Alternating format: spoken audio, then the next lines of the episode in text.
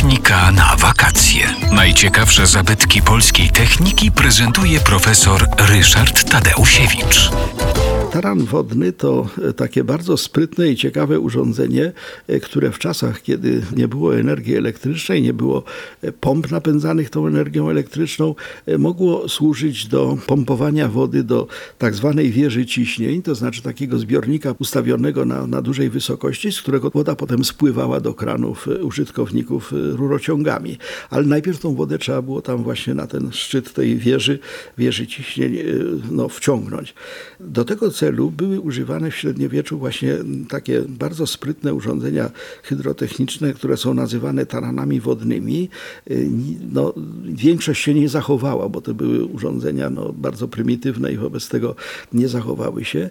Natomiast y, w Kajnach, to jest taka mała wieś w powiecie olsztyńskim, zresztą z bardzo piękną historią, można sobie w internecie poczytać kilka stronic informacji o historii tych Kain. Wobec tego w owychże Kainach jest funkcjonowanie funkcjonujący do dzisiaj taran wodny, e, który e, został zbudowany w 1897 roku przez Józefa Montgolfiera. E, takie samo nazwisko jak słynnego twórcy balonu, ale to nie ten. Józef Montgolfier był hydrodynamikiem i wobec tego wymyślił rzecz następującą. Otóż w owych kainach było dość wydajne źródło wody, no tyle tylko, że położone nisko. Wobec tego, posługując się zasadą tarana wodnego, który był wtedy już no, znanym rozwiązaniem hydraulicznym. Montgolfier zbudował takie urządzenie polegające na tym, że jak sobie woda płynęła no, z tego źródła przez jakąś taką żeliwną rurę, to w pewnym momencie gwałtownie odcinano jej odpływ. To znaczy no, automatycznie działająca taka, e, taka zasuwa nagle zatrzymywała tą wodę.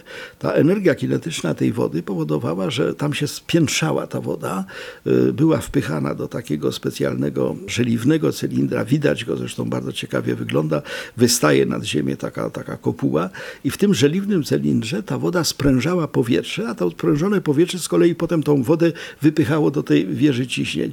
No i potem zawór się otwierał, woda sobie płynęła dalej, znowu za chwileczkę ją zamykano, powstawał ten taran wodny, wbijał tą wodę do tego żeliwnego cylindra, no i wypompowywał ją na górę.